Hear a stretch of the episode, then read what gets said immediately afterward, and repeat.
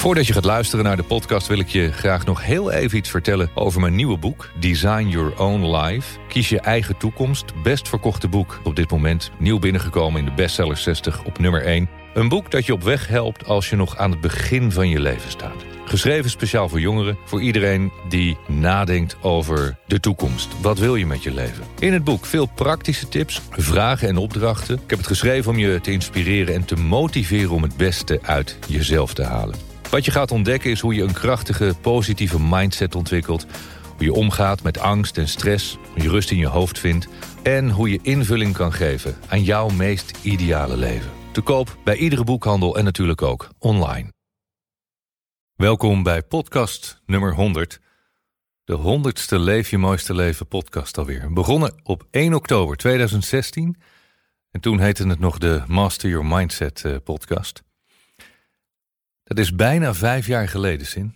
Ja, en toen was het nog niet echt een podcast. Um, want wij knipten toen Q&A-webinars op. En toen dachten we, ja, er zitten wel hele goede stukken in. En uh, die webinars gaf jij vooral eigenlijk. Um, ik nog niet zo heel veel. En later zijn we pas echt gaan podcasten, zoals we het nu niet heel veel meer doen, maar wel hebben gedaan. Ja, de allereerste podcast uit, uh, uit 2016. Succes is een filosofie.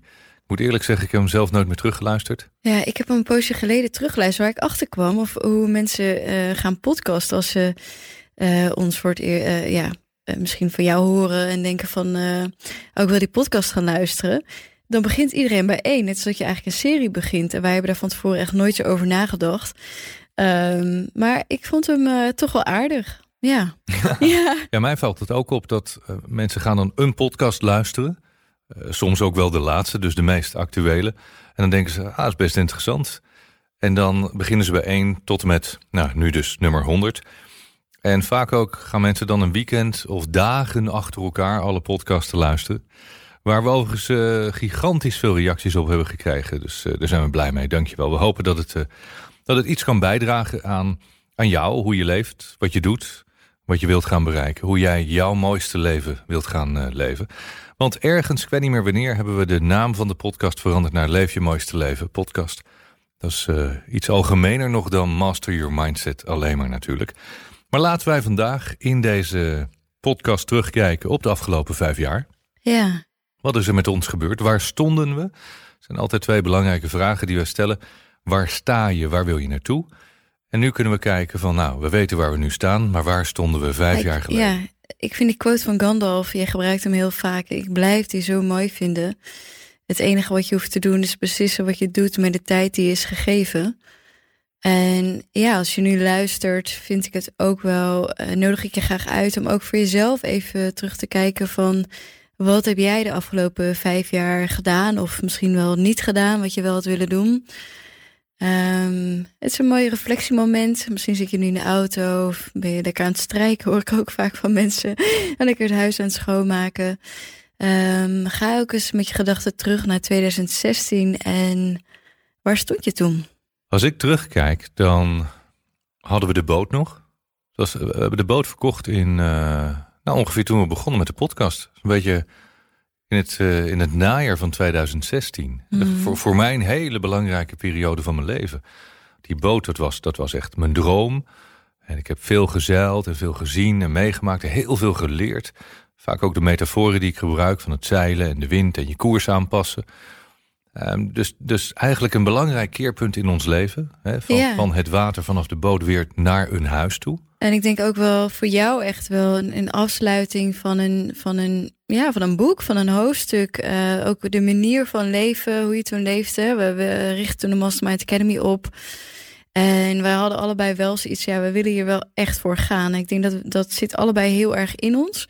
Um, dat als wij iets doen, dan, dan um, geven we daar ook volle commitment voor. Wij, wij, wij, kunnen allebei niet iets half doen. Dus als we gaan, dan, dan, dan willen we ook um, alles wat we kunnen geven en een beetje meer. En um, ja, we merkten gewoon dat het zeilen en, en, en een serieuze academie oprichten, wat wij wel voor ogen hadden, dat het niet helemaal samen ging. Dus ja, de, de keuze was. keuzes toen, maken. Ja. ja. En dat betekent vaak ook dat je afscheid moet nemen van, van iets wat daar niet meer bij past. En um, het is zo belangrijk om, om dingen af te sluiten, om, om weer weg vrij te maken voor, voor nieuwe dingen. En uh, ja, ik ben ook wel benieuwd als je nu luistert en je kijkt even terug naar de afgelopen vijf jaar. Zijn er voor jou momenten geweest dat je echt een belangrijke keuze hebt gemaakt? Of, of denk je nu terug van, ja shit, weet je wel, ik zit nu toch alweer een paar jaar verder in die baan die ik eigenlijk gewoon, eigenlijk toch elke dag met tegenzin naar mijn werk ga of in die relatie. Um, durf die keuze te maken. Ja, want ik had bijvoorbeeld ook kunnen zeggen, want we hebben er best nog wel uh, een tijdje over gesproken, dat dat ik gewoon lekker aan boord zou blijven wonen. En nog een keer eh, een stuk zou gaan zeilen. Het plan was klaar voor ons samen ja. om de Atlantische Oceaan over te steken. En eh, als ik dat had gedaan, waren de boeken er waarschijnlijk niet geweest. Geen Mastermind Academy, geen Meditation Moments app. Uh, alle events die we gedaan hebben, persoonlijk meesterschap, maximum potential, was allemaal niet gebeurd dan. Ja, ja voor mij voelde dat um, mijn persoonlijke reden waarom ik dat wat minder zag zitten. Eén, ehm, ik, ik merkte echt dat de Mastermind Academy, dat er iets in mij ontstond van dit moet ik doen. Het voelde echt als een, missie. Um, op dat moment, ik, ik, ik dacht van ja, dit is een droom van mij om, om een soort nieuwe school op te richten. Um, ja, ik was echt boos op het onderwijssysteem, uh, merkte ik. Uh, van, ja, ik, ik had echt idee dat ik al die jaren zo verkloot had op school. En het hele, hele systeem, wat ik zo achterlijk vond. En ik dacht, ja, ik moet het zelf gaan veranderen. Hè? Ik kan daar boos op blijven, maar ik wil dat veranderen. Ik wil, uh, nou ja, wat jij mij geleerd had, al die boeken over Tinker Rich. Ik dacht, dit, dit moet de wereld in. Het is te mooi um, om, om bij mezelf te houden en bij jou te houden. En um, ik, ik, was natuurlijk een jaar of 26 toen. En um, ja, net afgestudeerd. Ik was uh, freelance, online marketeer. Vond ik heel leuk. En voor mij voelde om op dat moment met jou op, op wereldreis te gaan. Ik had zoiets, ja, ik ben jong, weet je wel. Ik, ik wil eerst ook mezelf... ik wist gaan doen. Het voelde Um, alsof ik het niet verdiend had om zo lang op reis te gaan. En in die zin had ik daar ook niet het geld voor. Dat betekende dat jij het eigenlijk moest gaan betalen. Het voelde voor mij niet goed, alsof ik het niet echt verdiend had. Um, en daarom had ik zoiets van, ja, ik, ik wil eerst gewoon sowieso gewoon vijf jaar gaan knallen. En dat heb ik toen ook tegen jou gezegd. We geven het vijf jaar. En als het dan niks is, of als we dan niks vinden, dan stoppen we ermee. En uh, dan kunnen we daarna altijd nog gaan zeilen. Maar ik wil vijf jaar van mijn tijd wil ik aan deze missie eh, besteden. En dat hebben we nu gedaan. We zijn vijf jaar verder, dus we gaan uh, terugblikken op wat wij die afgelopen vijf jaar hebben gedaan. En daarbij zullen nog wel wat uh, onderwerpen zo links en rechts uh, voorbij komen. Je noemde het al, het onderwijssysteem. Ik sprak deze week iemand die zei van ja, hoe kunnen wij zorgen dat de overheid het onderwijssysteem gaat veranderen en dat, dat leraren anders les gaan geven. toen zei ik ook van nou, een paar dingen. Wacht nooit tot de overheid iets gaat veranderen. Ehm, maar neem, neem het heft in eigen handen. Bepaal je, eigen, eh, zoals wij dat zeggen, je eigen leefregels. Dus ga niet de verantwoordelijkheid en de macht uit handen geven aan anderen, in dit geval de overheid, en zeggen en hopen dat de overheid misschien ooit het systeem gaat veranderen. Want uh, als overheden zo briljant waren, dan hadden we een andere wereld gehad. Uh, ik denk dat verandering altijd van onderuit moet komen. Dus als jij als student, als leerling, als je wil dat het anders moet worden. Uh, nou ja, wij hebben het gedaan door een eigen school op te richten. Maar je kunt ook denken, ik ga met mijn maatjes in de klas, mijn vrienden en mijn vriendinnen, gaan we er eens over praten. Vervolgens gaan we naar de leraar. Daarna gaan we naar alle leraren van de school. En dan zeggen we, joh, luister. Wij zijn hier leerlingen, wij zijn hier omdat we iets willen leren. En daarom sta jij voor de klas om ons iets te leren. En wij willen graag, dit is ons verlanglijstje, hier les in krijgen. Wij willen les krijgen in bewustzijn, in mindfulness, meditatie, in gezondheid, in communicatie. Bepaal gewoon zelf waar je les in wil krijgen. En zeg dan tegen die leraar, kun je mij dat bieden?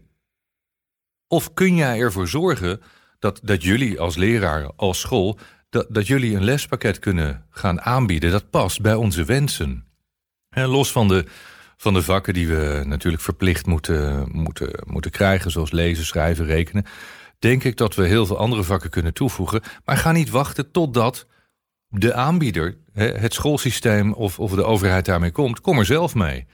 En als dat niet binnen het bepaalde uh, systeem past, ja, zorg dan dat je een eigen school of een eigen beweging opricht. Wat wij feitelijk ook gedaan hebben. Het is uh, ja, niet voor niks de Mastermind Academy. Het is een, uh, een instituut waarin wij proberen mensen een bepaalde opleiding te geven, of in ieder geval op weg te helpen om hun mooiste leven te leven. Dat is onze intentie. Ik denk dat het heel goed is om je eigen lespakket samen te stellen. En niet zoals nu op school dat je een vakkenpakket kunt kiezen uit de beperkte vakken die, die worden aangeboden. Maar dat je echt kan zeggen, ik wil, ik wil les krijgen in dit onderwerp. Of ik wil, ik wil schrijversles krijgen. En daar moet het lessysteem dan maar op worden aangepast. Dat, dat, lijkt me, dat lijkt me een hele zinvolle ontwikkeling. Als je al het bestaande schoolsysteem zou willen aanpassen. Wat mij betreft kan je het best gewoon stoppen en opnieuw beginnen. Ja, dat was ook, want wij krijgen natuurlijk heel vaak de vraag, dat hebben we afgelopen paar jaar heel vaak gehad, dat uh, mensen aan ons vroegen van ja, mogen we dan uh, uh, willen met jullie samenwerken om dit in het onderwijs te, te krijgen. de stof van de Mastermind Academy. En um, ja, ik had vanaf, vanaf het begin dat wij met de Mastermind Academy begonnen, hebben we het er natuurlijk ook over gesproken. En voor mij was heel duidelijk dat het gewoon een verrot systeem is. En ik wilde eigenlijk ook geen onderdeel meer uitmaken van dat systeem. En um, ja, ook gewoon bedrijfsmatig als ondernemer, als ondernemend persoon. Um, als ik naar bedrijven kijk. En als je dan naar bedrijven kijkt die volgens hele oude structuren werken, waar vaak ook mensen werken van ja, zo doen we dat nou eenmaal. Je ziet vaak de jonge bedrijven die het totaal anders aanpakken. Um, dat het veel beter werkt dan het oude verrotte proberen te herstellen. Ik ben veel meer voorstander van, uh, ja, dit, dit, systeem is totaal achterhaald. Het is natuurlijk wel honderd jaar geleden. Ook dat kinderen de hele dag in zo'n schoollokaaltje moeten zitten. Het is Stilzitten. Het is zo achterlijk voor woorden. Ja. En ik voelde gewoon totaal niks voor om überhaupt nog met het hele systeem bezig te houden. Ik wilde gewoon iets totaal nieuws creëren. Gewoon blanco wit A4. En ik vind het zo tof om te zien. En dat komt nu door corona. Dat gewoon ouders opstaan en denken: ja, ik wil ook gewoon uit dit idioot systeem. Uh, hoe kunnen we dat doen? Kunnen we communities oprichten? En dan zit je natuurlijk nog heel erg met de wet, hè, want je mag kinderen heel lastig uh, van school afhalen. Dus het is allemaal best wel dichtgetimmerd. Maar ik denk uh, dat, dat er een moment gaat komen dat kinderen ook zelf niet meer naar school willen. wat ik toen eigenlijk ook had. Ik denk dat het steeds jonger wordt. Ik denk dat er straks een generatie komt die zegt: ja, weet je, ik ga gewoon niet meer Nee, mijn verwachting is al heel lang dat, dat er een moment komt dat steeds meer kinderen en studenten zeggen: ja, dit, dit systeem, dit, de, de, deze jaren van mijn leven die ik hieraan besteed, die zijn zo kansloos. Ik ben nu nog jong en dan ben ik nu zoveel jaar aan het verspillen. Ik kan die veel nuttiger, efficiënter besteden. Maar mijn inschatting is over tien jaar uh, zullen er nog maar heel weinig jonge mensen zijn die naar dit schoolsysteem gaan. Ja. Ik denk dat dat uh, vrijwel nihil is. Ja, ik vind het schoolsysteem, hoe ik het uh, zie, eigenlijk een, een langzame zelfmoord voor de ziel. Ja. Ja. Ja, wat overigens niet betekent dat wij nu zeggen dat alle scholen slecht zijn of dat alle leerkrachten slecht zijn. Dat is absoluut niet waar. Want ik weet ook, hè, wij krijgen regelmatig berichten van leerkrachten en docenten die van alles willen, maar vervolgens niet verder komen in het systeem, die tegen worden gehouden in het systeem. Um, hey, ik heb ook geweldige leraren gehad, inderdaad. Dat mm even duidelijk is. Ook hele inspirerende leraar die ontzettend veel voor mij betekent. En ik uh, ook bepaalde vakken als heel waardevol. Ik vond ook het uh, contact met mijn klasgenoten. heb ik ook super leuke herinneringen aan. Het sociale. Um, ja, dus, dus het, het, is natuurlijk niet allemaal mis. Maar ik vind vooral dat je de hele dag in zo'n lokaaltje moet gaan zitten. Dat er. Ja, ook zoveel vakken. Ik, het past gewoon niet meer bij deze tijd. Nee, en, en, er zijn best wel leerkrachten en, en jonge leerkrachten die andere denkbeelden hebben. En die zou ik als advies mee willen geven: doe gewoon wat goed voelt. En geef les in de mm. dingen waarin jij vindt dat je les moet geven, waarvan jij vindt dat het belangrijk is. Dat, uh, dat kun je gewoon doen. En probeer anderen daarin mee te krijgen. En dat is niet eenvoudig. Ik heb uh, ook les gegeven op scholen. En ik weet nog dat we een, uh, een Game Changer programma hebben gedaan op een, uh, op een business school, International Business School.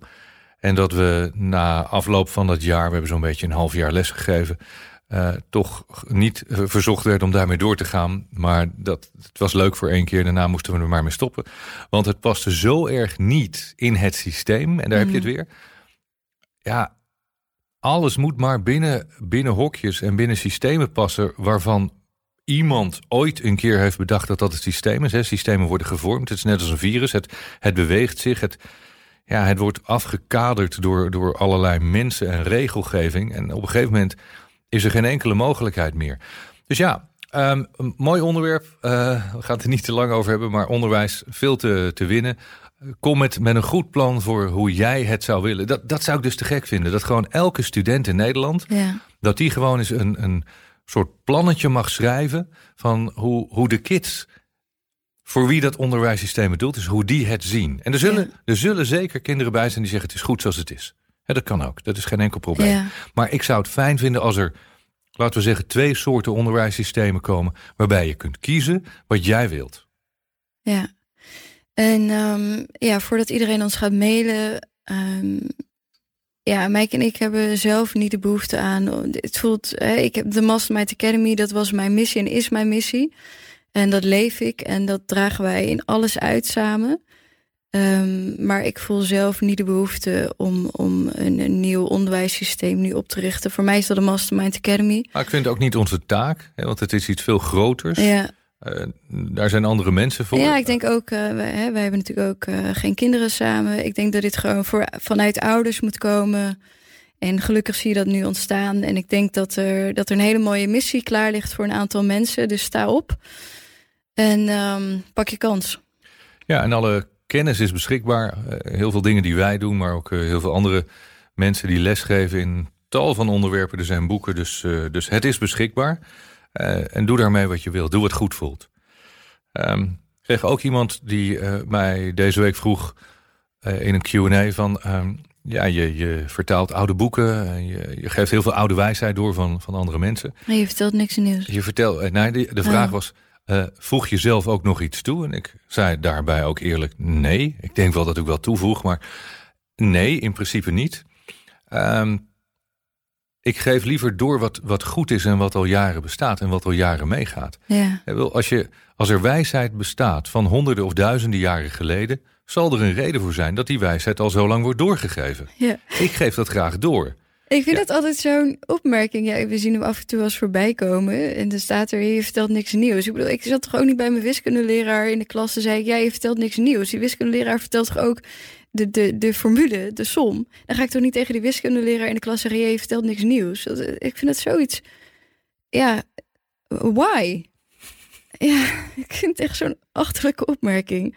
Ja. Ja, dat is ook zoiets. Er moet altijd iets nieuws, iets nieuws. Het moet sneller, nieuwer kijk eens wat er is. Ja. En pas het gewoon eens toe. In plaats van dat. En dat, dat kan je nog niet eens toepassen. Nee. En, en toen vroeg iemand mij. Is heel veel van wat je schrijft, is dat ook terug te vinden in oude geschriften zoals de Bijbel? Ja. Dat ging heel ver terug.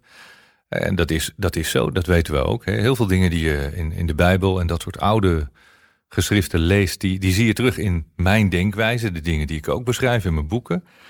Um, met de reden, want het is een soort universele denkwijze waar ik in geloof. Ja, ik denk dat wij um, het meest dichtst bij het soefisme liggen, ja, ja, denk ik. Ja. ja, als je het een richting moet geven, denk ik wel. Ja. En wij vinden beide... Rumi. Uh, ja, soefisme vind ik een hele mooie leer. Hè? Het, is geen religie, het is een leer en filosofie. Um, kan je ze gaan opzoeken. Um, maar daar um, ja, vind ik heel veel wijsheid in. Lees ik graag uh, over. Maar wat je zegt, ik ben het er helemaal mee eens. Ook als, als mensen aan mij vragen van... Uh, ja, komt er nog een vervolgcursus of komt er nog een uh, volgende boek? Dan, dan zeg ik altijd, maar weet je zeker dat je alles uit het voorgaande hebt gehaald? Weet je zeker dat je, dat je Master Your Mindset leeft. Niet dat je het een keer doorgebladerd hebt, hè, dat is een ander woord voor lezen. Een boek lezen, dat moet je minimaal drie keer doen. Uittreksel maken, samenvatting, dat je het echt begrijpt. Dan moet je het gaan leven door het toe te passen. En als jouw leven de vorm aanneemt dat je denkt van... nou, dit is wel mijn mooiste leven... en eh, daar gaan we het over hebben trouwens, wat wij daarmee bedoelen... Um, dan zou je kunnen zeggen, ik moet naar de volgende klas... of naar een volgend level of naar mhm. een volgend niveau. Maar ik merk dat ik ik moet me verbreden, maar ik hoef niet steeds nieuwe dingen te leren. Dat is heel grappig. Ik leer geen nieuwe dingen. Ik ga steeds meer de, de, de tijd in terug. Ik, ik ga steeds meer oude leraren opzoeken. Uh, ik ga steeds meer kijken van wat is er de afgelopen 100, 200, 3000 jaar aan wijsheid gedeeld. Daar ga ik me in verdiepen. Ik ga niet kijken naar, heeft er iemand iets nieuws bedacht... wat er in de afgelopen mm. duizenden jaren nog niet is opgeschreven? En waarom? Ja, en de geschiedenis herhaalt zich ook. Dus blijkbaar leren we ook nog steeds niet echt. En zolang, dat, zolang die cirkel er is, um, ja. uh, zullen we daarop terugvallen. vind ik eigenlijk ook dat voor mij zou het eigenlijk niet zoveel zin hebben... om een, een nieuw boek te schrijven... als niet iedereen mijn eerste boek begrijpt. Mm. Wat, wat, wat, is de, de zin daar dan van? Maar goed, er komt wel een nieuw boek aan. En er is net een nieuw boek uitgekomen. Je bent zoals je denkt. Is uh, gebaseerd op twee uh, wederom klassiekers. As, As a Man Thinketh van James Allen en uh, Wallace D. Waddles. The Science of Getting Rich. Twee van mijn favoriete boeken. Samen met Think and Grow Rich. Een hele mooie trilogie. En het boek heb ik samen met George, mijn co-editor, redacteur, vertaald. Heel veel erbij geschreven. En daardoor vonden we wel dat het uh, meer dan een vertaling was. Een beetje filosofie op uh, toen en nu. Over je gedachten. Daarom heet het ook Je bent zoals je denkt. En ik ben echt heel trots dat dit boek op nummer 1 heeft gestaan in de bestseller 60. Ik ben gewoon echt, echt super trots op. Weet je. Het, was, mhm. het, was, niet, het was niet echt een doel van dat, dat wil ik een keer behalen. Maar het was wel een mooie beloning op uh, best wel veel hard en lang werken. Ja. Mm en fijn natuurlijk, want daar gaat het om. Dat heel veel mensen dit lezen en delen. En ik ben echt heel erg verbaasd over de positieve reacties. Ik had het niet zo verwacht dat het eh, zo opgepakt zou worden. Het is best een pittig boekje. Ehm, ja, je, je mooiste leven leven. Daar, uh, daar houden wij ons mee bezig. Dat is ook de titel van ons jaarprogramma. Dat is ons motto. Maar wat bedoelen we nou eigenlijk met je mooiste leven leven? We hebben ook best wel eens vragen over van... ja, maar als je dan je mooiste leven mm. gaat leven, wat dan daarna? Ja. Nou, het is niet een soort finishlijn... Dat je zegt, ik ga 10 kilometer hardlopen en ik heb de finish bereikt. Nou, nu, nu heb ik het bereikt. Mm. Wat nu? Nee, voor ons is het een manier van leven. Ja. Ja. Dus wat je, wat je elke dag doet. En niet dat je zegt van, nou, ik, ik sta nu op, uh, nou, laten we zeggen, uh, ja. even de cijfer. Ik sta nu op een uh, eh, 5 en ik wil naar een 10. Of ik sta op een 7 en ik wil naar een 10. Nee, het is echt je leven op een bepaalde manier gaan leven. Waar jij blij van wordt. Dat je blij opstaat, blij naar bed gaat. Ja. Dat je een voldaan gevoel hebt. Dat je het gevoel hebt dat je, dat je uh, zin geeft aan de dingen die je doet. Dat, uh... ja, be bewust zijn van waar je je tijd en energie aan besteedt. Ja, dat is heel belangrijk dat je daar ook af en toe even bij stilstaat. En dat heb ik ook wel eens in een eerdere podcast benoemd, hè, de, de Genius Dagen. Um, mijn filosofie is als je elk kwartaal, elk seizoen even twee dagen tot vier dagen voor jezelf zou nemen. Om enerzijds uh, één dag even terug te kijken naar oké, wat heb ik het afgelopen kwartaal gedaan? Uh, welke afspraken heb ik gehad? Wat heeft me energie gegeven? Wat heeft me energie gekost? En dat je vooruit gaat kijken. Op basis van dat je even je analyse neemt van oké, maar wat heeft me dan, wat geeft me geen energie en waarom dan niet? En met wie ben ik dan en wat doe ik dan? En kan ik dat veranderen? Kan ik dat elimineren uit mijn leven? Kunnen andere mensen dat gaan doen? Of moet ik daarmee leren omgaan? Is het er nou eenmaal en, en um, moet ik er anders mee leren omgaan? Kan ik daar heel boos op blijven of gefrustreerd? Of mhm. is dat wat het is? En dat is het bewustzijn. Even alert zijn van ja, wat, wat ben ik hier eigenlijk aan het doen? Ja, bewustzijn is, is denk ik wel samengevat. Als je zegt van wat doen jullie nou eigenlijk? Nou, we proberen bewustzijn te vergroten bij, uh, bij zoveel mogelijk mensen. En we hebben echt niet de illusie dat het met de hele wereld gaat lukken. Want toen we begonnen, weet ik nog wel dat ik uh, mega enthousiast was. Dat ik dacht van nou, iedereen wil dit. Mhm. Iedereen wil zijn mooiste leven leven. En iedereen vindt dit uh, mega interessant. Ja, ik vond het ook. Ik, ik dacht ook van wauw, weet je, ik, ook die, die wet van creatie. en ik merkte al heel snel hoe dat werkte. En ik voelde die energie en het intunen op, op hè, het, het, het al, de bron. En hoe je dat voor je kan gebruiken. En hoe je dat als creatie kan, kan gebruiken ik vond het zo vet. En ik dacht ook van iedereen wilde het leren. Nou, dat, dat bleek zeker niet zo te zijn. Hè. Voor heel veel mensen was het toch gewoon uh, eng of um, sluit zich daar heel erg voor af. Heel veel mensen geloven er gewoon niet in. Nou, ik denk dat ook heel veel mensen um, bij, uh, als je het, het persoonlijke ontwikkeling. ja, liever ongelukkig en weten wat ik heb dan ehm, ja, niet weten wat er komt. Ja. Dus dan maar zo houden. Maar ook het, het uh, spannend vinden om je verantwoordelijkheid te nemen. Om ook je, je minder mooie kanten aan te kijken. En, en uh, ja, dat ook gewoon te, te zien. En, en daar ook je actie op te gaan nemen. En um, ik zie dat, dat niet iedereen dat prettig vindt. Of dat liever wegduwt of doet alsof het er niet is.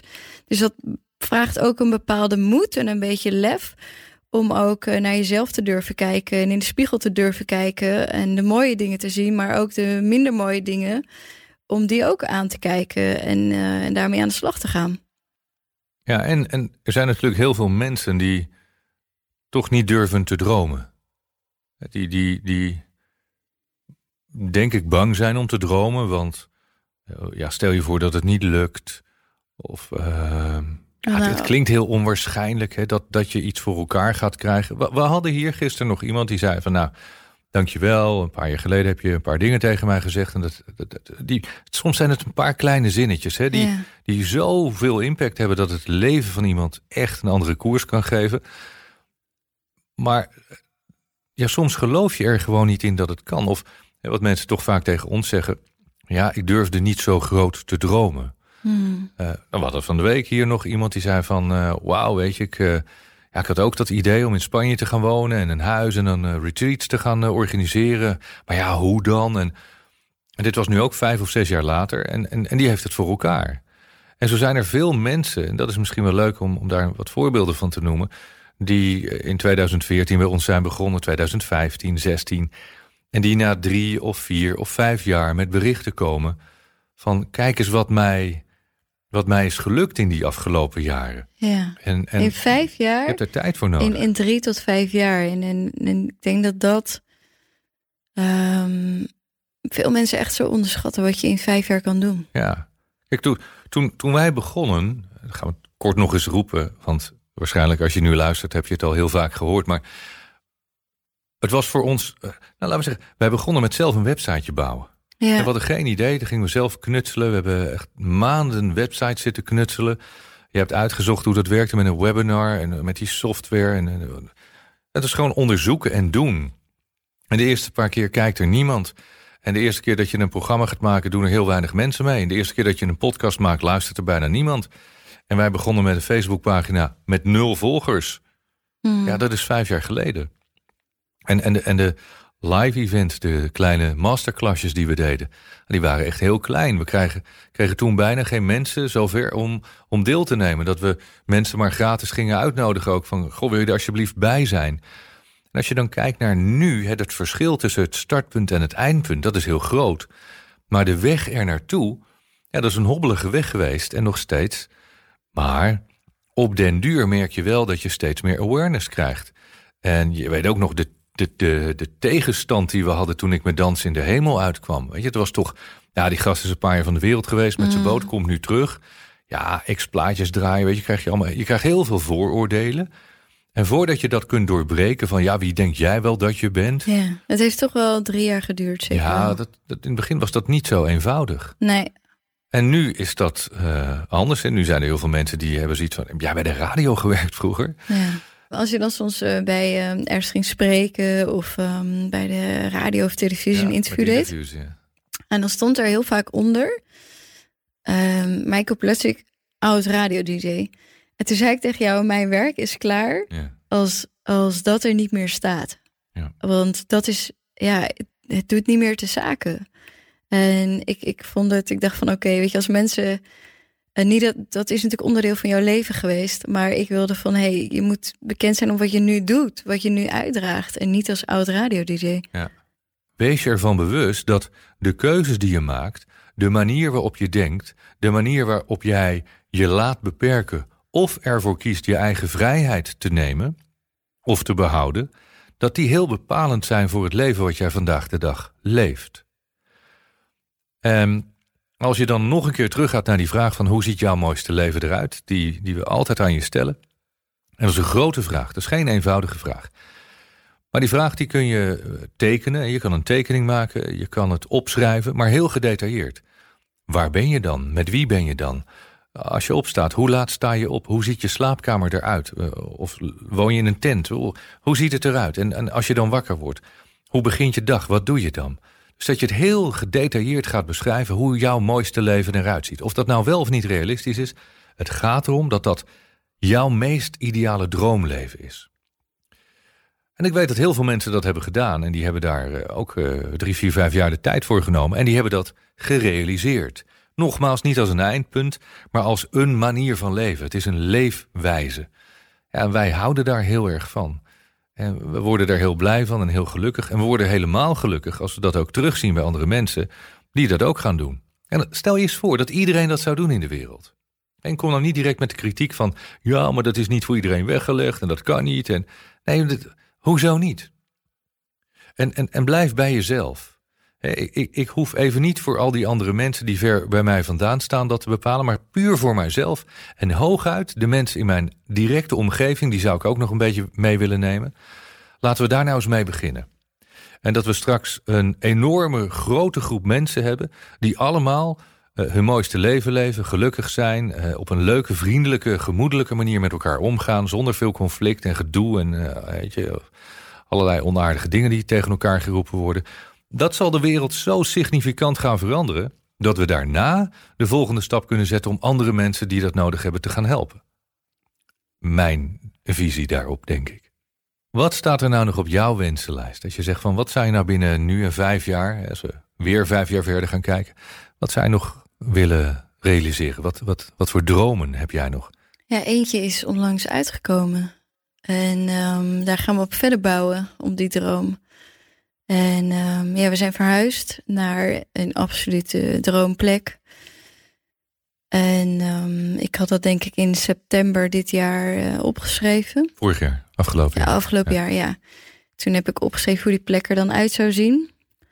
En het is best wel eng. Uh, ja, en nu zitten we er. Het is ongeveer exact hoe ik dat toen had omschreven. En het is een plek die, um, ja, ontwikkeld gaat worden de komende tien jaar, vermoed ik wel. En um, ja, ik kijk er naar uit om daar gewoon de komende vijf jaar stukje bij beetje aan de slag te gaan. Ja. Moet een beetje achtergrondinformatie geven, want voor mensen die geen idee hebben, klinkt het waarschijnlijk uh, erg cryptisch.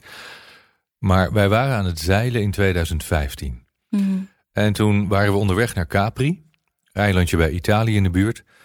En Onderweg kom je dan wel eens eilandjes tegen waarvan je het bestaan niet wist. En een van die hele kleine eilandjes eh, in de buurt van Italië is Ischia. Heel klein eilandje, je rijdt het in een halve dag met, uh, met zo'n heel klein autootje. Ik weet dat we zo'n heel oud klein autootje hadden gehuurd. En toen is Cindy gaan kijken van wat is hier te doen op het eiland. En we kwamen terecht bij een prachtige botanische tuin.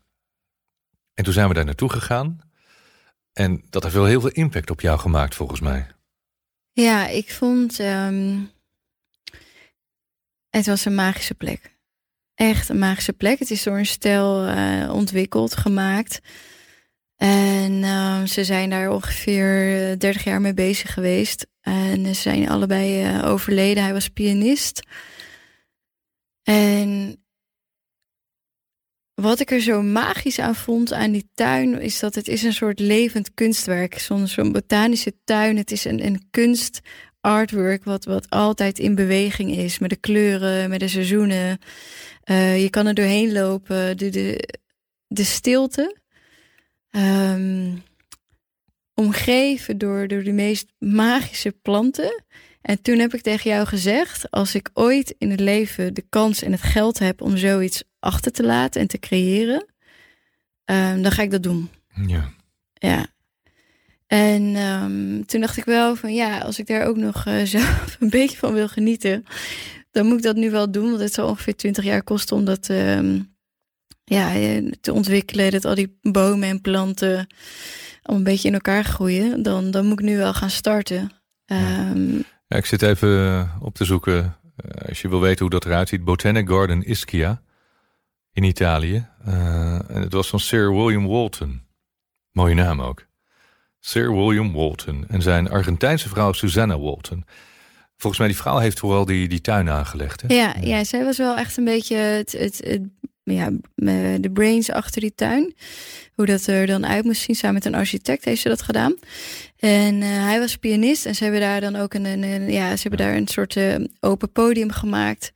Ja, dat lijkt me ook te gek. waar je, en daar, daar speelde hij dan piano.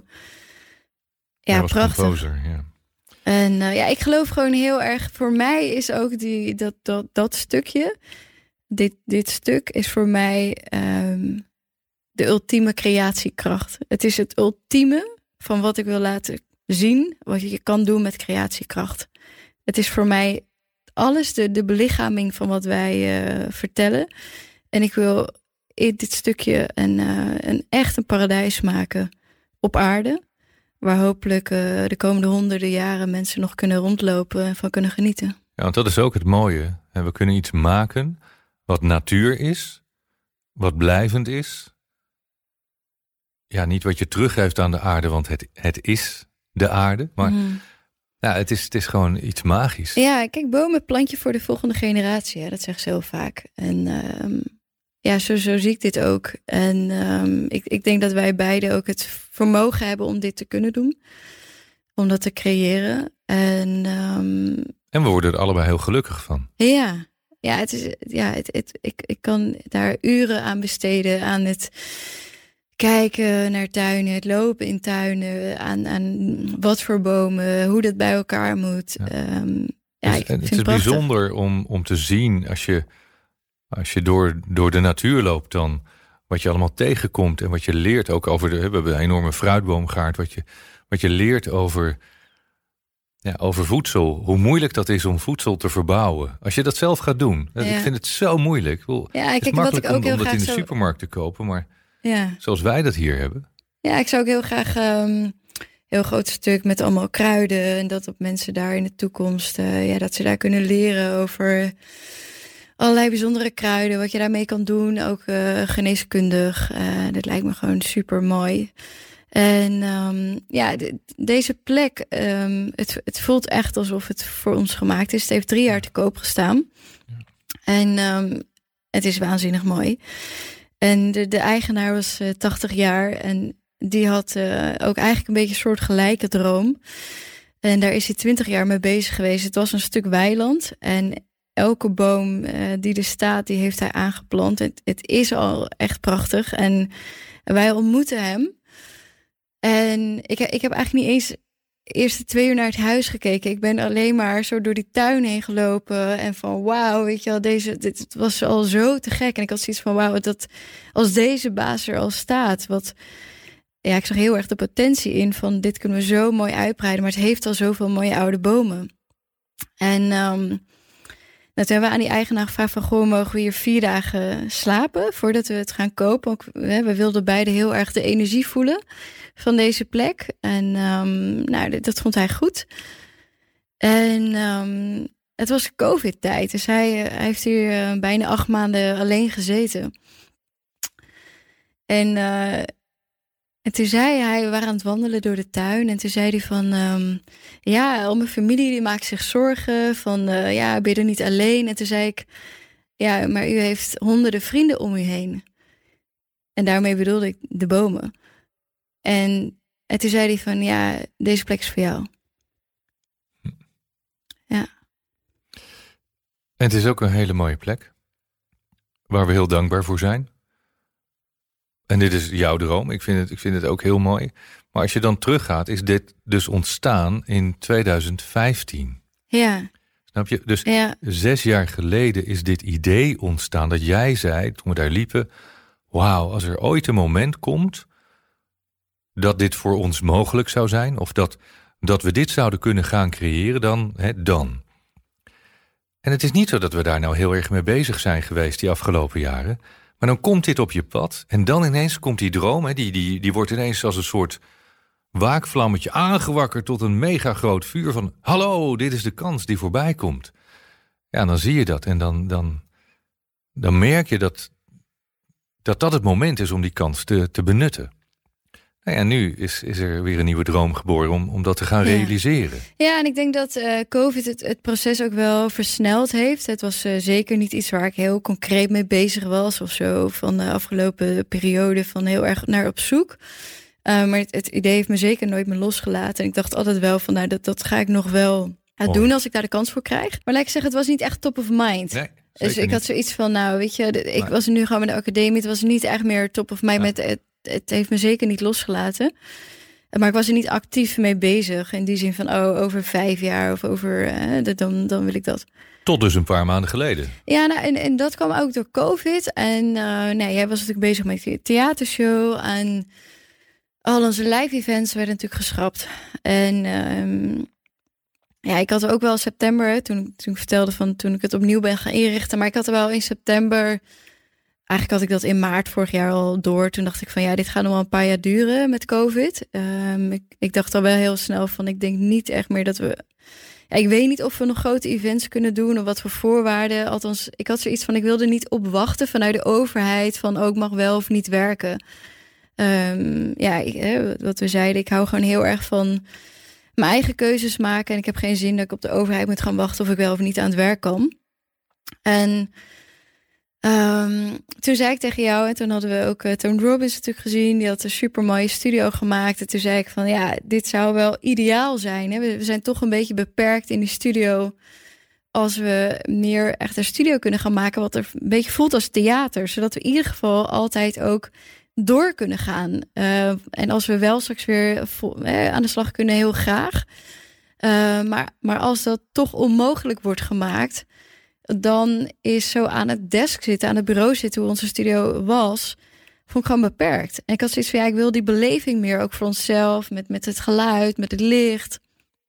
En, en toen zijn we gaan tekenen van, nou, wat, moet die nieuwe plek dan hebben? En die moet in ieder geval een ruimte hebben waar we zo'n studio kunnen bouwen.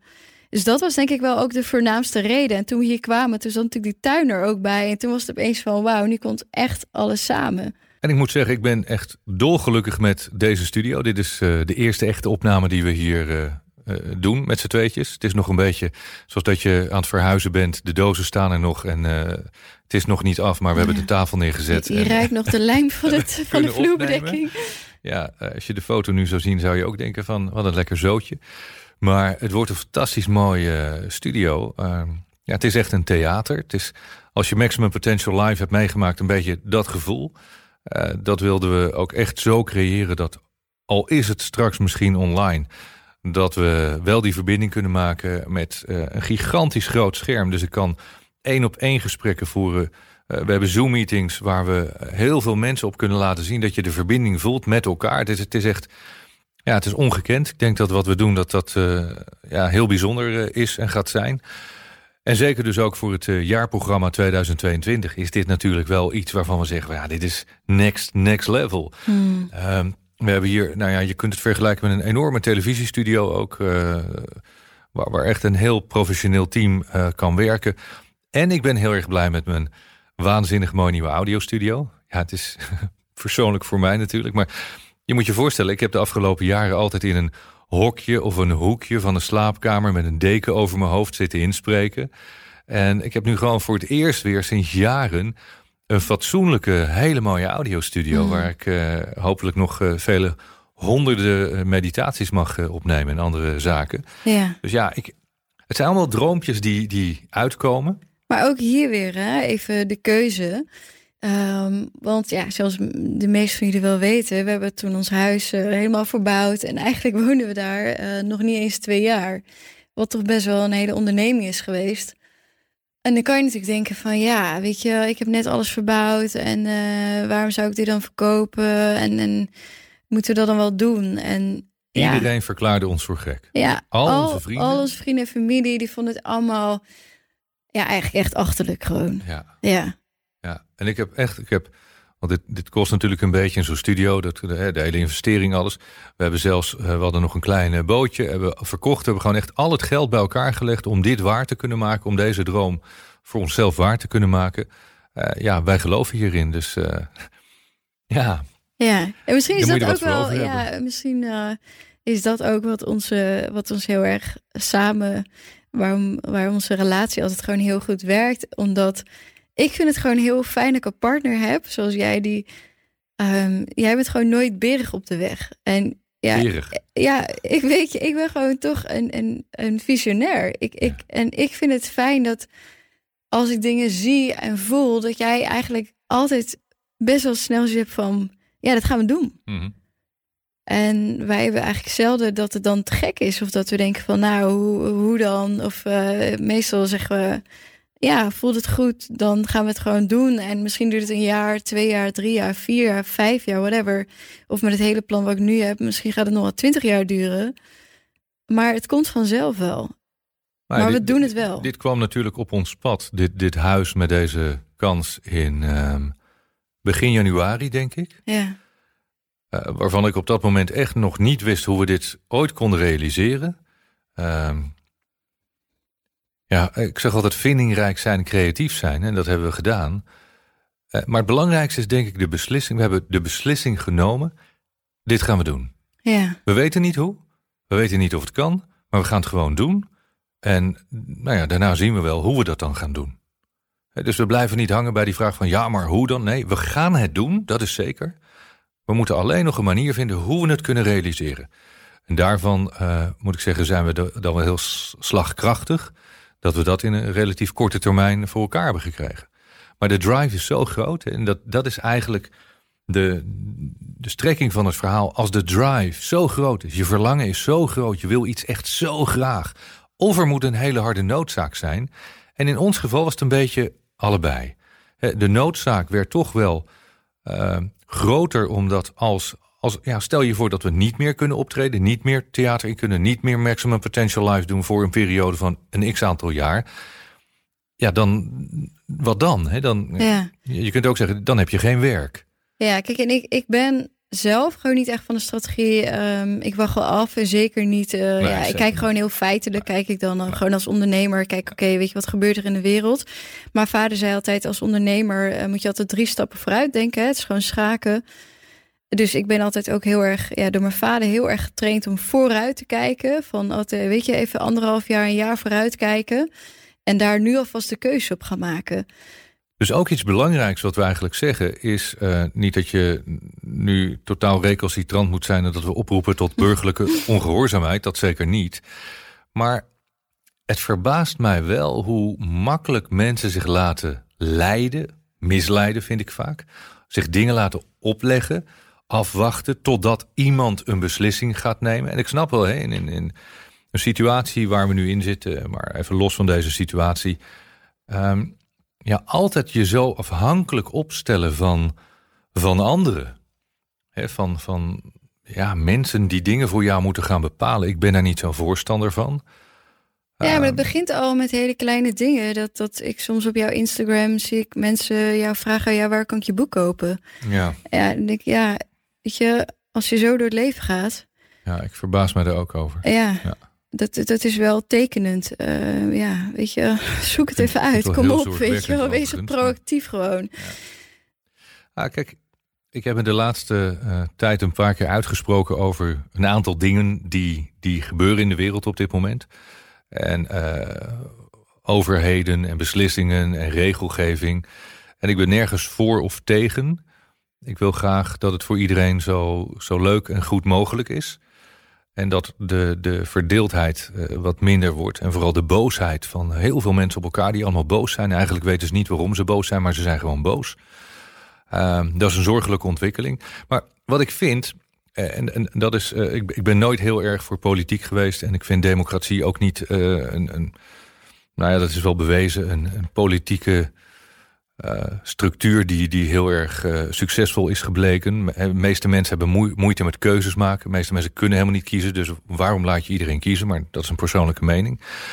Het, het, het gaat erom, vind ik, dat een volk, laat ik hem even plas, plastisch uitdrukken, een volk, zeker als het om heel veel mensen gaat, die hebben iemand nodig die leidt. Net als op een boot heb je een kapitein nodig. Het werkt niet als iedereen kapitein gaat spelen. Het werkt gewoon niet. En dat weet ik uit mezelf verleden.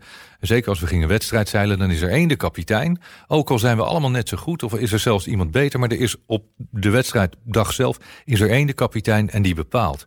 En daar luister je naar. Je kunt wel overleggen, maar vooral niet te veel met elkaar in consensus. Nou ja, lang verhaal. Als ik dan terugga, dan denk ik van... het is toch zo dat wij mensen met elkaar eh, hebben bepaalde wensen en verwachtingen en willen andere mensen vragen om bepaalde dingen voor ons te regelen. Dus eigenlijk, als je kijkt naar de wereld en je hebt mensen die, die huren als het ware mensen in die een bepaald werkje voor ze gaan doen, leiding geven. Laten we zeggen, we noemen dat een regering. Dat is anders dan een bedrijf, waar een bedrijf een bepaalde filosofie heeft. Je hebt het bedrijf en dat bedrijf neemt personeel aan om dat bedrijf te laten organiseren en dat dat bedrijf functioneert. Maar die directie is de baas over dat personeel. Zo gaat het in een bedrijf. En dat is een beetje het gevoel dat ik heb in, in onze maatschappij. Dat er een soort overheid is die denkt dat ze de baas zijn over het volk. En het volk moet maar doen wat de overheid zegt. Terwijl het is andersom. De overheid werkt voor, voor ons, voor ons mensen. Die moeten de dingen doen zoals wij dat graag willen. Net zoals ik aan het begin van dit verhaal zei. Leraren moeten jou les geven in waar jij les in wil krijgen. Het is niet andersom. Mijn persoonlijke visie. Hmm. Maar dat betekent wel dat wij mensen duidelijk moeten weten wat we dan willen. En dat we daar een bepaalde consensus over hebben met elkaar. Dan moeten zeggen tegen, in dit geval de overheid, ga dit plan voor ons uitwerken. Wij hebben dit bedacht. Nu moet je dat gaan uitwerken. Maar nu is het helemaal andersom. En ik, ik, ja, ik, vind, ik vind het een krankzinnig systeem. Maar nu gaan ze dan met elkaar, gaan ze allemaal uh, moeilijk doen. En uiteindelijk komen ze dan bij, bij, elkaar, hebben ze een regering. Zijn ze allemaal heel blij. En, en wat schiet het volk ermee op? En dat is, dat is misschien um, uh, niet tegen de politiek in, maar wel dat ik denk van... neem nou eens een beetje wat meer eigen verantwoordelijkheid. Wij gewoon allemaal. Want als wij onszelf meer aan, aan onze eigen regels houden die we met elkaar afspreken... heb je ook minder, minder regels nodig. En stel je voor, ik weet het niet, niet het beste voorbeeld... maar stel je voor dat iedereen zich aan verkeersregels zou houden... heb je geen stoplichten nodig. Want dan, uh, dan laat ik jou voorgaan wanneer ik denk dat dat uh, netjes is. Als we ons zelf meer reguleren, is er minder regelgeving nodig. Ja, dus in Amsterdam hebben ze dat een stukje gedaan hè, mm. bij het uh, station. Werkte dat? Ja, het werkt best wel goed. Uh, hebben ze gewoon veel meer, hebben ze alle stoplichten, allemaal dat soort dingen weggehaald. Ja, blijkt prima te werken. Ik denk dat heel veel mensen in staat zijn om op die manier met elkaar samen te leven. Als je heel veel regelgeving loslaat, dat niet meer zoveel niet mag en heel veel wel moet, dat mensen beschaafd genoeg zijn om te zeggen: uh, Nou, we gaan dit samen met elkaar oplossen. We gaan het gewoon samen doen. En er zal altijd een klein groepje zijn dat uh, zich niet aan de regels houdt. En daar krijg je dan het probleem van hoe ga je daarmee om? Ja, ik, ik zou wel voorstander zijn van ga meer je eigen leefregels bepalen. Maar dan kom je terug op dat, dat motto dat we hebben: leef je eigen mooiste leven. En ga dat dan, het begin eens met jezelf. Mm -hmm. Ga dat ook doen met je kinderen. Ik weet dat heel veel mensen doen dat. Hè. Die gaan ook met hun kinderen zitten van hoe ziet jouw mooiste leven eruit. En met je partner en dan met je ouders en je familie en je, je ooms en tantes en broers en zussen. En als iedereen dat meer zou gaan doen, ga je toch veel sneller naar een, een samenleving waar iedereen veel blijer is en dingen met elkaar gaat doen en oplossen. Mijn optiek. Of, of ik ben heel naïef, hè, dat kan ook. Misschien heb ik een soort uh, utopisch uh, ideaalbeeld. Ja, nou ja, zo sta ik in de wereld. Toch nog even terug hè, naar die afgelopen vijf jaar. Vond zelf ook een leuk moment. Wat zijn dan de hoogtepunten en de dieptepunten van die afgelopen vijf jaar? Wat waren de dingen waarvan wij denken, hadden we anders kunnen doen of hadden we anders moeten doen? Wat, wat hebben we ervan geleerd? Maar een van de mooiste en uh, meest onverwachte dingen die ons is overkomen, is natuurlijk dat hele COVID.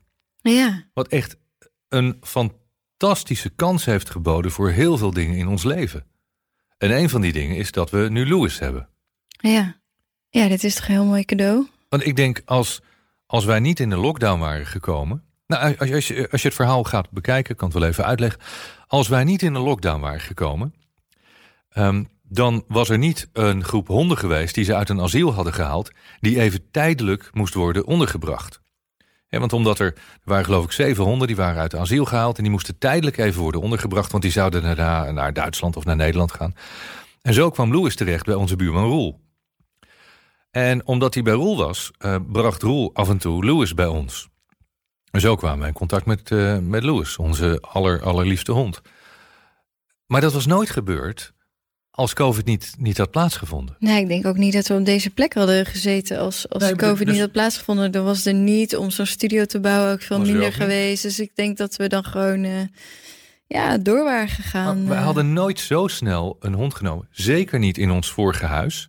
Nee. wat, wat we hebben het gedaan, maar eigenlijk, je ziet nu gewoon, ja, nu kan een hond lopen en rennen. En, en dat is veel fijner voor, voor hem natuurlijk dan, dan ons relatief kleine huis met, met vooral voor hem een, een heel klein tuintje wat we hadden. En wat je net zegt, doordat wij in die lockdown zaten, opgesloten in huis, in dat kleine tuintje, wat fantastisch was, want we ervaarden de stilte. En wat ik in, uh, in het theaterprogramma heb geroepen, van ja, misschien is die die hele lockdown van de wereld wel een boodschap van het universum of van, van Moeder Aarde. Om ons duidelijk te maken dat we onszelf even op pauze moeten zetten. Mhm. Dat wij even de tijd moeten nemen, verplicht omdat niemand dat doet, om even na te denken over onszelf. Over, over hoe we omgaan met de wereld. Met, met uh, alles uit China halen voor veel te weinig. En uh, waarom moet al ons eten uit de, de, alle kanten van de wereld komen? Weet je, al die dingen van ga eens bewust nadenken. En het heeft ons heel veel tijd gegeven om, om na te kunnen denken. Maar vooral die stilte die we toen echt hebben gevoeld. En dat was ook wel een van de redenen om te zeggen: van, wat zou het mooi zijn om, om zo'n plek te hebben. Ja. Dus beetje bij beetje vielen die puzzelstukjes wel in elkaar om, om naar deze plek te gaan. Je hebt gelijk. Ik denk zonder al die lockdowns uh, hadden we hier nu niet gezeten. Nee. Nee. Wat ik ook heel. Uh ja, heel, heel bijzonder vond in die periode van lockdown. Dat wij acht weken ons huis niet uit mochten. Dat, uh, ja, we mochten, wij woonden vlakbij het strand op Ibiza. En um, daar stond dan zo'n poppetje, zo'n uh, legerpoppetje staat er dan. En nu mochten wij het strand niet meer op. Ik liep elke dag op het strand. Toen dacht ik ook even van, van wie, van wie is de wereld eigenlijk? Van wie is dit strand eigenlijk? Er staat een van de popje met een geweer en die zegt dan: Je mag niet op het strand lopen. Wat is het voor achterlijk gebeuren? Ja, en niet omdat er uh, honderden mensen op dat strand liepen, want daar lopen uh, een, een, paar mensen. En uh, weet je, je houdt afstand, het wil je loopt buiten. Dus laten we zeggen, we creëren geen gevaarlijke situatie waardoor er een soldaat moet staan die ons gaat tegenhouden. Maar ik denk gewoon voor mij blijkbaar, en als ik dan nu terugkijk naar de afgelopen vijf jaar, is als ik gewoon heel boos word, is dat eigenlijk gewoon voor mij een geweldige drijfveer om dingen te realiseren, heb ik gemerkt. En ik was, ik weet ook nog dat ik zo boos was op het schoolsysteem, dat het mijn, dat ik zo'n drive had om de Mastermind Academy op te richten. En dat moment dat ik het strand niet op mocht, was dezelfde um, energie. En die is bij mij dan zo krachtig. En toen dacht ik, ja, ik ga gewoon mijn eigen, eigen paradijs maken. En daar, daar, dat, dan, dan ga ik dat doen. Ja. Ja. ja. De boodschap die hier dus in zit, is dat als dat verlangen zo groot is en je stelt een doel, er, er is een bepaalde drive van binnenuit. In dit geval gedreven vanuit een boosheid. Ja, niet vanuit angst. Hè? Is een groot verschil vanuit boosheid. Dat je zegt, tot hier en niet verder. Ja. Stel het je wappies. Ja. Wie zijn hier nou de wappies? Dat is serieus waar, weet je. Wie denk jij wel dat je bent om om dit soort regels op te leggen ja, ik heb Toen ook, hoezo? Ik heb toen ook zo'n... Uh, best wel gezeik gehad met die gozer. Ik was gewoon zo kwaad. Ik, ik weet je, dan kijk ik ook iemand in de ogen. Die jongen doet natuurlijk ook zijn werk. Die, die volgt orders op en die, ja, weet je... Ja, maar, ik zou ja, denken van, maar dit, denk zelf ook een Maar dit is dus een beetje het ding. Weet je wel, iedereen verschuilt zich achter... ja, ik volg de orders op. Ja. Ja, dat deed ze in de Tweede Wereldoorlog ook, weet je wel. En ja, um, ja ik vind het een beetje makkelijk. Ja, ik vind het wel een beetje makkelijk. Ja, ik vind wel als, als iemand dat soort orders opvolgt, dan kijk je wel even in de ogen. Ja. En dan gaan we wel even contact maken met waarom je dat doet. Wat, ja, ik vond het zo uh, idioot. Nou ja, als ik jou toelaat, dan mag iedereen dit doen en dan wordt het een chaos. Nou, het hoeft helemaal geen chaos te worden, want als we allemaal netjes met elkaar omgaan en we houden afstand en we hebben een groot strand en we zijn buiten en we zijn allemaal geen gevaar voor elkaar, is er niets aan de hand. En als jij niet op het strand wil lopen omdat je dat gevaarlijk vindt, doe je dat niet. Ja. Niets aan de hand. Maar we gaan nu een probleem creëren om een probleem te creëren, om polarisatie te creëren. Zo zie ik dat. En daar, daarmee bedoel ik niet dat er niet bepaalde situaties zijn waar, waar orde en handhaving nodig is. Want ik moet wel zeggen, ik zie af en toe demonstraties voorbij komen waarvan ik ook denk van ja, gaat het nou om, om uh, het conflict creëren? Want uh, soms denk ik ook wel eens van jongens, jullie staan hier voor een bepaalde. Hè, je, je, hebt een doel dat je gaat demonstreren. Maar het is ook af en toe wel een beetje op het randje van uitlokking dat ik denk van dit is ook niet helemaal zuiver meer. Weet je, blijf in gesprek. Maar op het moment dat er een leeg strand is en er komt één iemand met een hond en je krijgt een discussie met een soldaat, dan denk ik van ja jongens, uh, dan is het einde van, van uh, het denken is wel uh, bereikt. Ja. Mm -hmm. ja, zo zie ik dat. Goed, nou, dus alles bij elkaar heeft ons wel heel veel gebracht. Uh, dus in, en dat is een beetje crisis, hè? kans en risico, het Chinese ja. teken. Wij hebben heel veel kansen gezien in het afgelopen jaar, die ons heel veel hebben gebracht. Uh, en we gaan om met de situatie natuurlijk. We zijn niet heel boos geworden op uh, alles wat er gebeurde. Wel heel veel onderzoek gedaan van wat gebeurt er nu eigenlijk. Want wat er gebeurt is natuurlijk wel heel, heel vreemd. Hè? Ik, weet niet hoe, hoe, je dat zelf beleeft, maar wij denken dat er wel veel meer aan de hand is dan, dan wat wij denken dat er aan de hand is. Maar wat dat dan is, nou, geen idee. Dus daar doen we onderzoek naar. Ja, een van die dingen, daar ga ik binnenkort uh, met uh, wat mensen over praten, over het financiële systeem bijvoorbeeld. Ja, dat kan ook nog eens uh, wat gaan worden. Ja, ja. Vijf jaar, vijf jaar later zitten we hier, hebben een Meditation Moments app. Hadden we nooit kunnen bedenken, volgens mij in 2016. Nee. Echt niet. Nee. nee. Dat is ook wel voor mensen, weet je, natuurlijk, je zet een koers uit. Alleen, je, je kan niet alles bedenken. En ook zo wat, wat COVID, als het niet tussendoor komt. Weet je, dus um, het, zet een richting uit. Maar sta ook open voor, voor ook wat er dan weer op je pad komt. Ja. Je, je, kan niet alles helemaal, je hoeft niet alles helemaal tot detail uit te werken. Weet wel, oké, okay, weet je waar, wat is mijn talent? Wat maakt me blij? Waar wil ik mijn energie aan besteden? Um, en soms lopen dingen anders. En dan moet je ook flexibel genoeg zijn om, om weer andere kanten op te koersen. Ja, um, af en toe schiet er wat door mijn hoofd heen. Dus dan roep ik uh, iets. Uh, uh, dat doet me aan denken dat ik lees nog wel eens een reactie onder, onder dingen die uh, ik dan met name post. Van ja, je moet niet denken dat het leven maakbaar is. Ja, want dat, dat roepen wij uh, wel eens. Maar wij zeggen niet dat het hele leven maakbaar is. Er is heel veel is maakbaar. Niet alles, heel veel wel. Um, dus voordat je dat soort dingen gaat roepen, wat heb je er zelf aan gedaan? Ja, laten we daar eens mee beginnen. En als je er een probleem mee hebt, nou ja, niet mijn probleem, jouw probleem, dus houd lekker bij je. Uh, als jij niks van jouw leven wil maken, moet je dat vooral niet doen. Het hoeft niet van ons. We proberen je een handreiking te doen om je daarbij te helpen. Maar als jij dat anders ziet, is er helemaal niks mis mee. Even goede vrienden. En als er tal van redenen zijn waarom dat voor jou niet lukt, dan uh, kan het zijn natuurlijk, hè, want we leven allemaal in een ander leven, andere situatie, dat er bepaalde dingen zijn die je misschien op jouw manier uh, kunt oplossen of die je moet veranderen of waar je hulp bij kunt zoeken. Ga er dan mee aan de slag. En dat is misschien ook iets, hulp zoeken, dat, dat doen ook heel veel mensen niet. Als ik het samenvat van, ja, waarom gaan dingen mis in ons leven? Omdat we één, niet doorhebben wat er misgaat. Dus you, you don't know what you don't know. Um, daarna wil je vaak niet zien wat je eigen tekortkoming is. Daardoor heb je vaak veel kritiek op andere mensen. Uh, laten we het voorbeeld nemen. Ik heb het de laatste tijd al vaak over gehad, maar Um, er worden reacties gegeven op mijn social door mensen. Zijn mensen, oh wat fijn en ik heb er zoveel aan gehad en het heeft me veel rust gebracht. Of uh, ik slaap er beter door. Of wat een inzicht. Uh, waarom wist ik dit niet eerder? Nou, dan zijn er ook mensen die zijn boos. Die vinden het allemaal onzin en belachelijk. En wat laatst iemand riep. Ja, jij denkt dat, dat je met kruidenthee en koud douchen zeker de wereld kan redden. Ik zeg, nou, wacht even. Dat heb ik niet geroepen. Ik zeg dat ik koud douche. Niet dat ik dat heel prettig vind, maar ik geloof wel dat het goed voor je kan zijn. Het kan in ieder geval geen kwaad.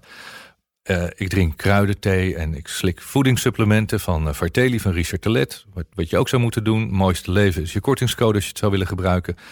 Uh, wij doen er heel veel aan om te zorgen dat wij gezond leven en nou ja, niet ziek kunnen worden.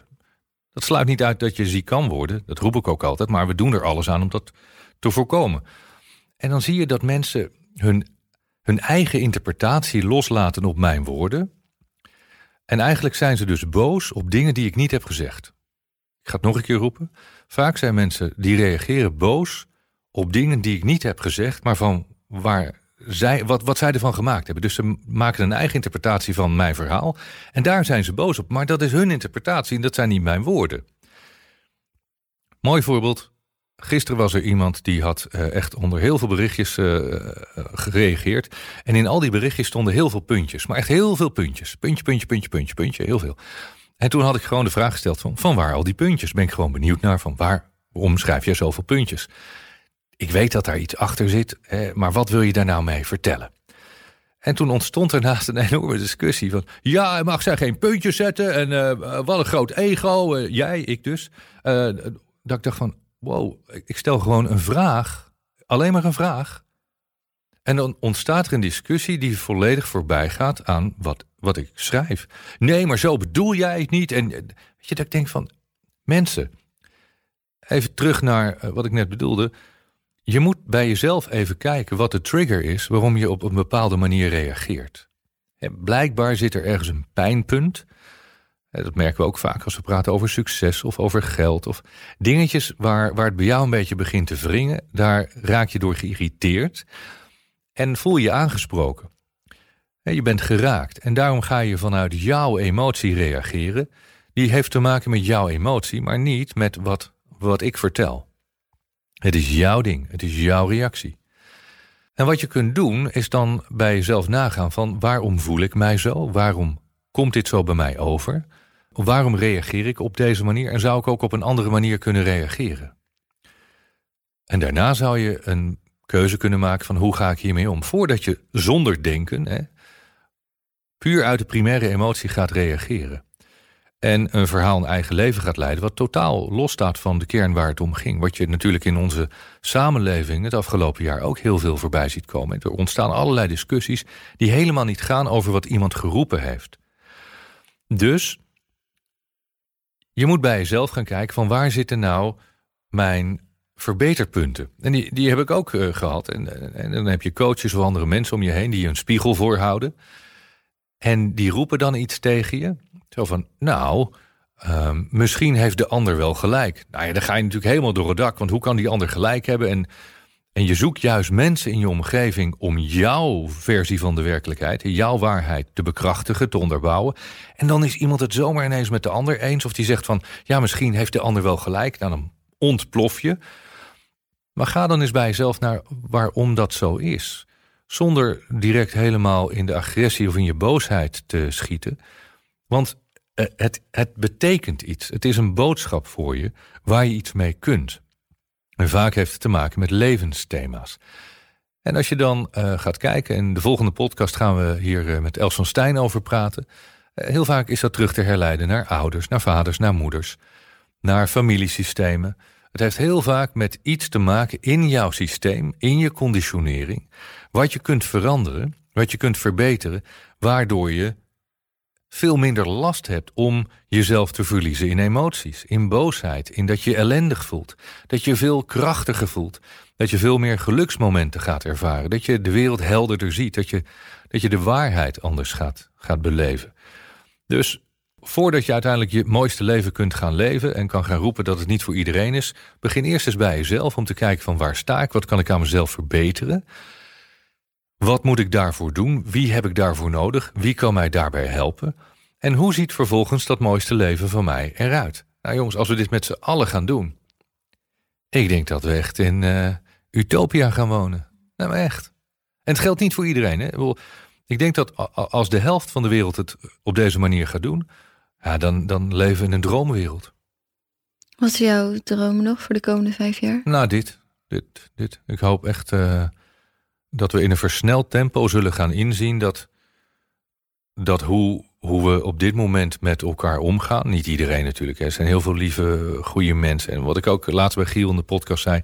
Ik denk dat iedereen uiteindelijk wel hetzelfde doel heeft. Ja. Niemand, op een uitzondering na misschien, maar de meeste mensen hebben niet de intentie om ruzie te maken met elkaar. De meeste mensen hebben niet de intentie om, om maar te zeuren en te zeiken en boos te zijn en, en continu dat conflict op te zoeken.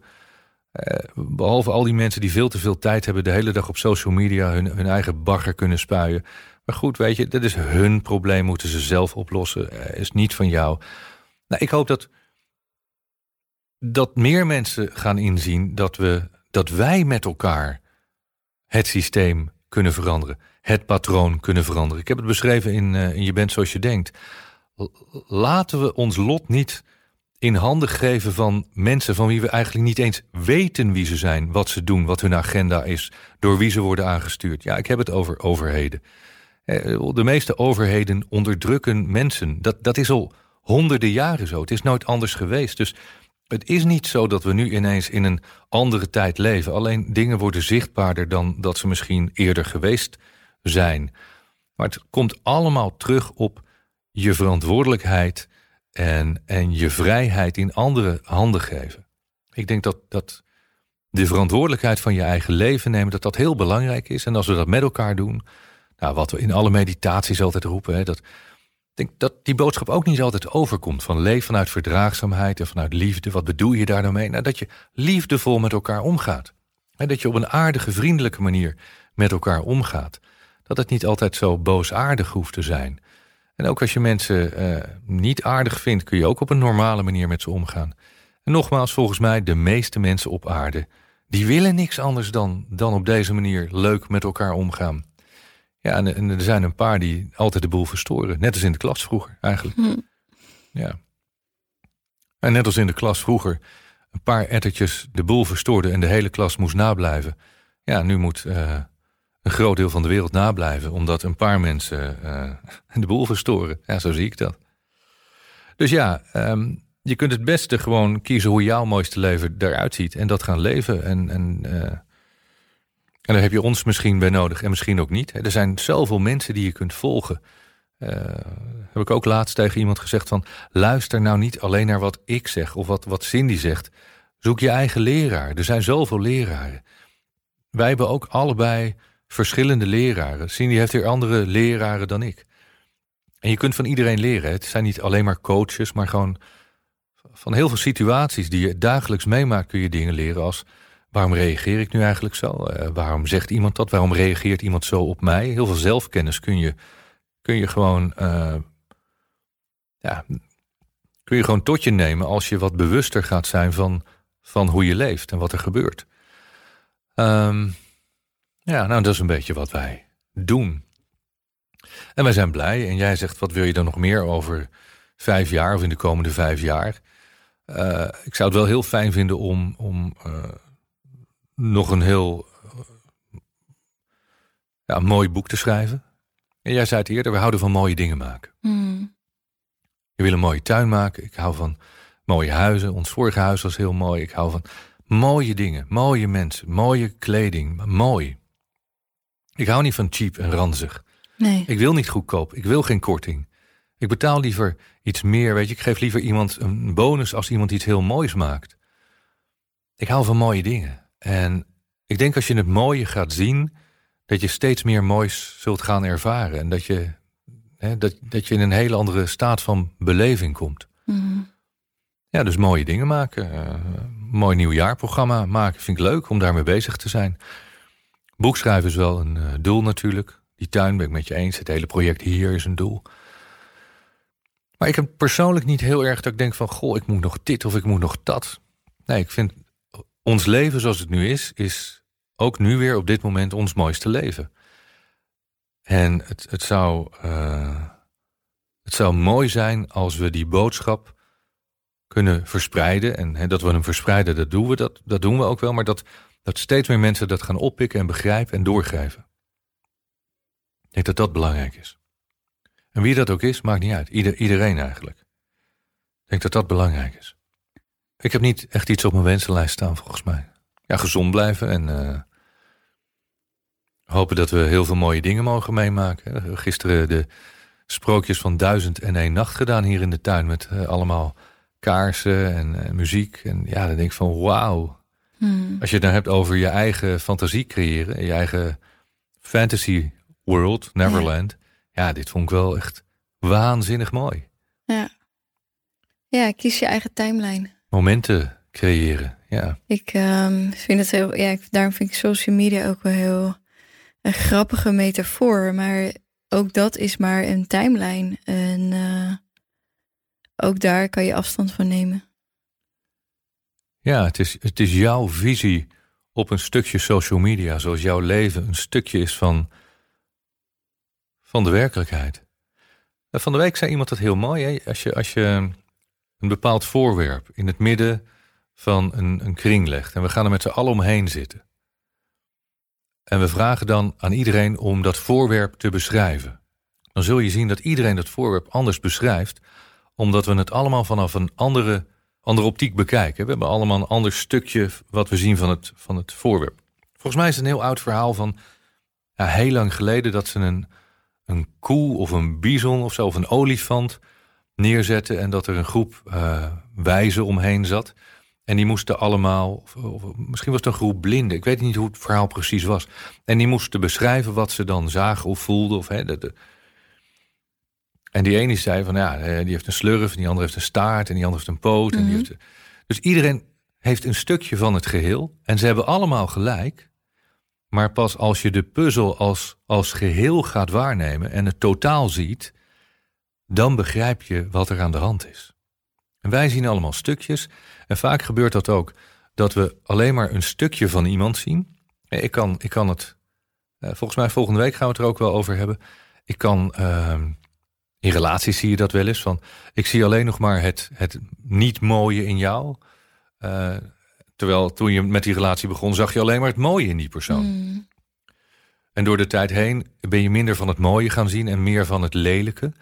En vind ik jou ineens een vervelend, uh, nou ja, vul zelf maar in. Dus wees je ervan bewust dat je vaak maar een stukje van het geheel ziet en probeer het totaal, totaalbeeld te gaan waarnemen. Waarnemen is wat anders dan zien. En dan uh, kun je op basis daarvan kun je, kun je oordeel gaan vellen, kun je bewuster gaan leven. Ja, het wordt een interessante periode de komende vijf jaar. Ja. Dus ik ben benieuwd waar we, waar we samen staan, waar de 2026. Waar de wereld staat. Ja. Um, het zou kunnen dat er niet zoveel gaat veranderen. En dat zou kunnen. Misschien gewoon, dat, laten we zeggen, COVID gaat voorbij, net zoals dat alles voorbij gaat. Uh, het, het grote gevaar is geweken. Je ziet al heel veel landen nu die zeggen van, nou ja, we moeten het niet zomaar aan de kant schuiven, maar het grote gevaar is wel voorbij. Uh, we moeten er rekening mee houden, maar in 2022 of 2023 zal het leven weer een beetje zijn zoals het was. Hmm. Ik weet niet of het normaal was. Dus om te zeggen, we gaan terug naar het oude normaal. Nou, misschien was dat wel helemaal niet goed. Misschien moeten we wel dingen veranderen. Um, en misschien in de meest extreme andere vorm, 2026, ziet het er heel anders uit. De Hmm. Matrix. Ja, we gaan het zien. En uh, tot die tijd zou ik zeggen, leef je mooiste leven. Creëer het paradijs op aarde. Ja. Pak je verantwoordelijkheid. Doe het samen um, met je eigen community. Zorg dat je voor elkaar zorgt. Houd elkaar vast. En als ja. Bibian zo mooi afsloot met haar boek, uh, wees een beetje lief voor elkaar. Dankjewel. Tot de volgende Leef je mooiste leven podcast.